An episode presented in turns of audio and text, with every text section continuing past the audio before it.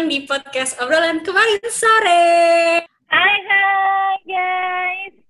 Hai. Balik lagi sama kita anak-anak kemarin sore. Dan hari ini topiknya uh, bakal menarik banget karena jujur kita juga nggak nyangka kemarin kita mancing lewat sosmed kita semua terus responnya ternyata bagus banget gitu engagementnya tinggi jadi gue harap kayak episode ini bakal bagus banget ya tapi sebelum memulai episode hari ini uh, kita mau terima kasih dulu kepada teman-teman semua 100 orang pe lebih pendengar kita buat oh! episode Yeay, oh iya bener banget. Yeay, thank you. ya yeah, thank you. Yang uh, yang mau dengerin ocehan-ocehan kita. Yang kita, entahlah itu berfaedah atau enggak, tapi agak, intinya kita cuma pengen berbagi. Ya betul, agak enggak nyangka juga ya kita um, ternyata ada yang mau dengerin. Gue juga bangga ada yang mau dengerin ocehan kita yang ngalor ngidul tentang angker, tentang apa pun itu kan kemarin. Ya, betul. Pandemi, terus apa lagi sih kemarin gitu tuh. Oh iya, sebelumnya untuk yang baru pertama kali dengerin, kita mau kenalin diri lagi. Ada gue Sandra. Ada gue Zizi. Ada gue Devi. Dan ada gue Amira. Oke, buat tambahin juga sebelumnya, jadi dari respon yang udah kita bikin di Instagram, ternyata lumayan banyak yang memberikan feedback. Jadi mungkin untuk episode ini atau topik ini bakal kita bagi menjadi beberapa part. Mungkin ada dua part atau tiga part. Kita akan lihat editornya akan sanggup sampai berapa part, tapi uh, sesuai dengan kategori um, yang sudah kita tanyakan kepada teman-teman semua. Jadi kalau misalnya ada teman-teman merasa kok respon gue tidak dimasukin ke dalam episode ini, mungkin di next episode. Oke, lanjut ke host. Dan untuk episode hari ini uh, gue yang bertugas menjadi host karena yang tiga ini ceritanya oh banyak sekali. Jujur gue nggak sebanyak yang dua orang. oh enggak kan sekarang kan ceritanya teman kita yang lain yang udah ngasih feedback dari sosial media kita semua kan. Betul. Iya, makasih loh yang udah ngasih feedback.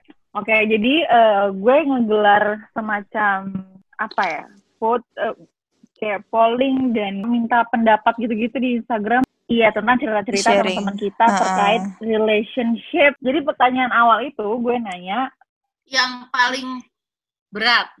Gue nanya pernah nggak kalian masuk atau terjebak di dalam toxic relationship, termasuk juga abuse secara verbal maupun fisik, selingkuhin, porn revenge, atau apa pun yang bentuk abuse. Dan gue juga mau bilang ke teman-teman gue yang berani banget cerita tentang kayak ginian, I'm so proud of you. Dan I'm glad that you're okay. Dan yes setuju banget. dan you are brave as you are. Yes. Jadi, I love you guys so much. Karena buat ngungkapin kayak ginian tuh gak gampang kan? Gak gampang kayak sih. ada rasa sedikit kayak malu juga takut juga. Terus kadang yeah. ada rasa kayak nyalahin diri sendiri juga gak sih? Kayak ih kenapa ya? Bego banget gue... sih gue pasti gitu kan. iya ada rasa kayak gitu. Tapi mereka yang berani bersuara tuh hebat-hebat banget sih buat gue. Sama kayak gue gue intinya kita berempat semua appreciate orang yang berani uh, speak up about this.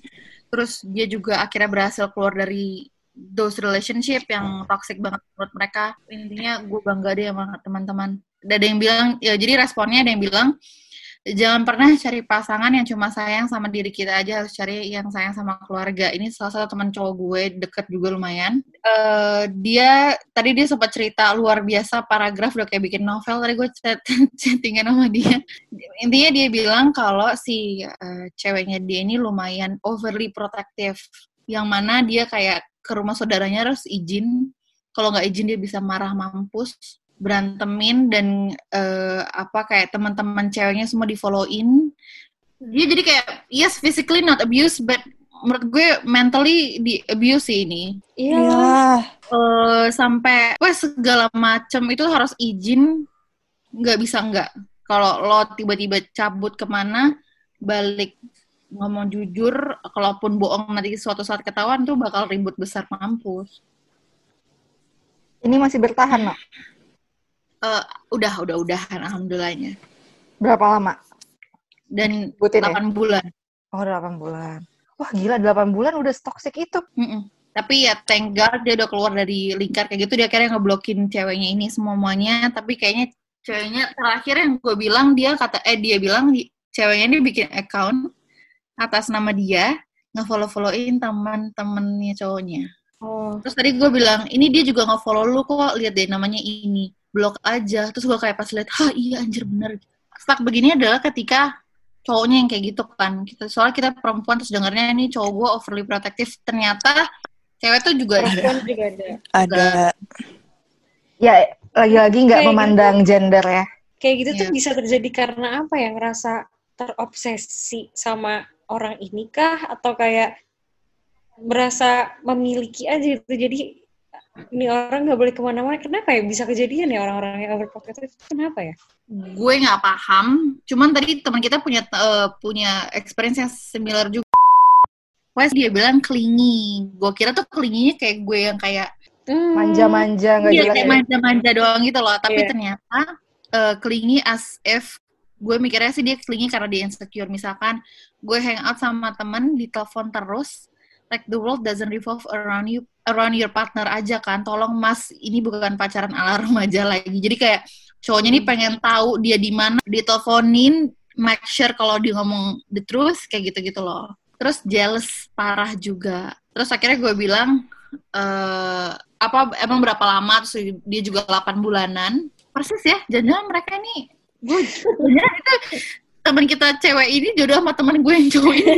Ceritanya sama soalnya terus dia bilang dia jadi agak nyalahin dirinya karena dia bilang e, di situ salahnya gue nggak balance otak sama hati gue sering maklumin sifat dia karena embel-embel sayang jadi hmm. relationshipnya nggak maju-maju aja gitu nggak bisa berkembang jadi yang lebih baik kayak stuck di situ aja tapi later on dia akhirnya uh, success to escape escape to toxic relationship juga sih Yay! I'm so glad to hear that. Berarti nggak ada kepercayaan yang dikasih sama cowoknya. Agree. Ya, Makanya tadi, dia bisa kayak gitu. Uh -uh. Tadi uh, Amira bilang kan kayak orang-orang yang overprotective itu mereka kenapa sih? Kalau gue sih uh, mungkin ada trauma juga mereka jadi mereka mengalami trust isu kepada orang yang paling dekat sama dia. Mungkin dulu ada dikecewakan Pernah sama orang yang paling dekat. Iya, betul. Tapi yang yang mau gue bilang sih kalau kalau pasangan yang baik itu bisa diterima oleh lingkungan kita juga, bukan hanya keluarga. Lingkungan dalam arti teman-teman kita juga senang, teman-teman kita juga masuk gitu. Kan hmm. kalau dia nggak percaya sama teman-teman kita, lingkungan kita ya bakal kejadian kayak gitu bakal kejadian di telepon terus lu sama siapa ini sama siapa di mana gitu ya setuju salah satu uh, pesan dari temen gue yang laki ini dia bilang ini intinya eh ini pesan gue buat semua orang dia bilang kayak gitu. Intinya sayangi orang secukupnya jangan maksudnya jangan bucin atau terlalu banget. Dan maksudnya dia kan tadi kan dia biarin dirinya dia dikontrol sama perempuan itu kan. Hmm, ya, ya, dan ya. cari orang yang sayang sama keluarga lu juga bukan yang lu doang gitu loh. Karena lu hidup bukan berdua doang pasti ada teman-teman lu ada keluarga lu dan support lu uh, support yang selalu lu dapat sama dari keluarga teman nggak boleh lupain gitu aja kalau ada pasangan jauhin kita dari teman apalagi keluarga mending skip teman dan Betul. keluarga lama sama kita dan mereka lebih tahu kita lebih baik dibanding yang baru Uh, terus ada juga yang bilang Dine, uh, Dinai ini loh dengan cara posting tentang toksiknya dia hal yang terbodoh. Jadi teman gue yang ini nih dia juga cerita kalau uh, cowok ini tuh kayak toxic positivity gitu loh. Oh. Tapi gue dari awal tuh gue udah sadar dia tuh kurang bagus gara-gara gue lebih suka perempuan yang suka baca. Jadi teman gue tuh pas deket sama dia tuh dia di, dikasih, dikasih semacam serangkaian tes. Kayak disuruh baca ini terus temen gue nggak suka baca ngapain gue baca gitu kan? Gue nggak mau. Terus dia bilang dia lebih suka perempuan yang suka baca. Terus dia suka ngebandingin dengan perempuan lain yang kayak into matematika banget apa into ekonomik banget gitu ini teman kerja gue cewek karirnya bagus uh, ngomongin ekonominya mantap intinya intinya the point is dia mau ngomong kalau teman gue ini nggak sebagus cewek ini gitu loh eh. tapi dengan dengan kata-kata yang dipoles seolah-olah dia mengeko eh, mengencourage teman gue untuk hmm. ini kan buat diri lo juga tapi padahal dari hmm. karena teman gue ini fall in love deeply mampus jadi dia nggak ngelihat kalau sebenarnya tuh nih cowok ini lagi ngebandingin lo loh sama cewek lain. Dia dan dia ngerasa cewek lain ini better than you. Wah nyebelin banget asli. Dan temen gue ini yang si buta ini nih enggak itu tuh dia cuman mau bilang oh, intinya dia mau nyuruh gue belajar kayak gitu-gitu loh intinya dia pengen hmm. gue tuh berkembang aja bagus kok dia ngasih motivasi dan gue yes gue gue gue appreciate dia ngeliatnya tuh as a positive thing tapi lama-lama tuh nggak gitu maksudnya lama-lama dia Lama... tuh berusaha membentuk dia menjadi seseorang yang lain kan bener banget iya dan dan orang pinter itu kan gak harus suka baca. Iya. I mean, Matrix, Ada banyak bidang kepintaran yang lain kok. Matrix pinter itu tuh gak cuma suka baca kan? Yes, setuju. Dan if you if you compare yourself lah, teman gue ini kan uh, passionate-nya di mengajar, di dia kalau jadi guru really disayangi good. anak muda segala macam, really good pointingnya. Tapi kalau lu bandinginnya sama orang yang lebih suka ekonomik, yang workaholic, yang gak suka anak kecil, ya gimana? Dan bagi Gimana gue sih? yang penting dalam hubungan itu adalah lo jangan jangan berekspektasi lo bisa ngerubah dia seperti apa yang lo mau. Betul. Karena itu nggak bakal kejadian apalagi kalau orang itu memang sudah punya perjalanan yang panjang, dia sudah menemukan dirinya dengan caranya sendiri, terus tiba-tiba lo datang ke kehidupannya, lo mau orang itu berubah jadi A, B, C, D, F, G. Misalnya paling gampang gini deh, ah gue mau pacaran sama dia, tapi nanti gue berusaha biar dia stop ngerokok itu susah banget kali kayak emangnya kita siapa buat hmm. ngerubah orang itu buat jadi sesuai kemauan kita yeah. Yeah exactly teori gue cukup panas ya kalau ngomongin toxic wah oh, berbobot ya iya karena ya kita berempat pernah melihat hal itu gitu entah sahabat kita yang mengalami itu entah teman kita jadi alhamdulillah kita nggak pernah ya guys dalam hubungan yang seperti itu. Alhamdulillah banget. Oh iya, ada satu lagi. Jadi ini ada salah satu kiriman dari dari salah satu teman kita. Dia itu dia bilang uh, selama 23 tahun gue jomblo akut mentok. Dia bilang kayak gitu. Terus uh, gue belum pernah pacaran dan dia bekerja di salah satu bidang seni yang menurut kita semua nih dia sangat berbakat banget karena kita semua kebetulan berteman nih sama dia. Terus kayak gitu uh, di bidang seninya ini dia padahal banyak bersinggungan sama laki-laki karena memang uh, industrinya nggak sih. Nah tapi karena yeah. di sisi lain dia juga ngerasa dia bener-bener workaholic yang bener-bener fokus banget sama apa yang dikerjain sampai akhirnya dia mentreat mem memperlakukan orang-orang di sekitar dia juga seperti rekan kerja kayak bronya dia banget kayak gitu-gitu deh sehingga orang-orang kalau misalnya ditanya kenapa sih kok gue jomblo jomblo terus kenapa gue gak laku-laku uh, jawaban orang-orang di sekitarnya ya gimana ya soalnya lebih nyaman buat jadi temen gitu loh. Di sisi lain dia nyaman sama apa yang diri dia sekarang gitu loh karena dia bisa mengekspor bakat kemudian dengan dia ekspor nggak dengan dia nggak ada cowok dia sekarang jadi bisa benar-benar fokus nggak ada distraksi dari luar. Dan itu juga dia juga selalu bersyukur karena mungkin uh, orang dikasih rezekinya berupa relationship dengan orang lain berupa misalnya hal-hal lain sedangkan kalau dia rezekinya mungkin di bidang seni yang lagi dia tekunin ini gitu. Gitu. Kalau menurut kalian gimana? Menurut gue ya sebenarnya tuh dia hebat banget sih. Maksudnya jarang banget orang punya motivasi dan tekad setinggi dia dan ambisi sekuat dia. Yang dia tahu apa yang dia mau, dia tahu yang apa yang mau dia tuju dan dia work really hard on it. Dan menurut gue uh, one day dia bakal ketemu cowok yang ngerti itu, yang support itu, yang ngelihat hal yang sama dan value things that uh, yang dia value juga kayak sebenarnya tuh jadi bukannya enggak tapi belum aja. Tapi once she meet this type of guy yang ngerti ambisi dia ngerti cita-cita dia dan saling mendukung satu sama lain it will be so great isn't it? Iya yeah, yeah, benar-benar balik lagi semuanya memang ada waktunya di waktu yang tepat ya tentunya ya. Kalau memang sekarang belum berarti mungkin sekarang bukan waktu yang tepat mungkin ya.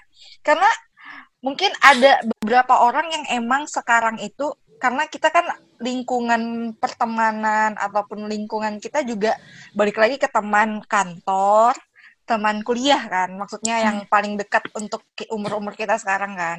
Hmm. Nah, uh, menurut gue sih emang ada tipikal orang-orang yang emang ini tuh kepribadiannya emang cocoknya jadi temen doang gitu. Uh, balik lagi ke cerita yang temennya kalian itu, kan gue nggak kenal nih. Jadi hmm. sebagai orang yang belum kenal sama dia, hmm. pertama pertama nih gue apresiat banget sih dia udah memiliki sudut pandang yang positif untuk diri dia sendiri. Karena kan kita kalau membantu suatu masalah itu hmm. ya bisa drop banget bisa sampai down banget kan bisa negatif thinking lah. Kayak mungkin dia pernah mikirnya kok gue gini ya kok gue se semakin ke sini kok gak laku-laku? Gitu kan. Pasti semua orang pernah punya pemikiran negatif.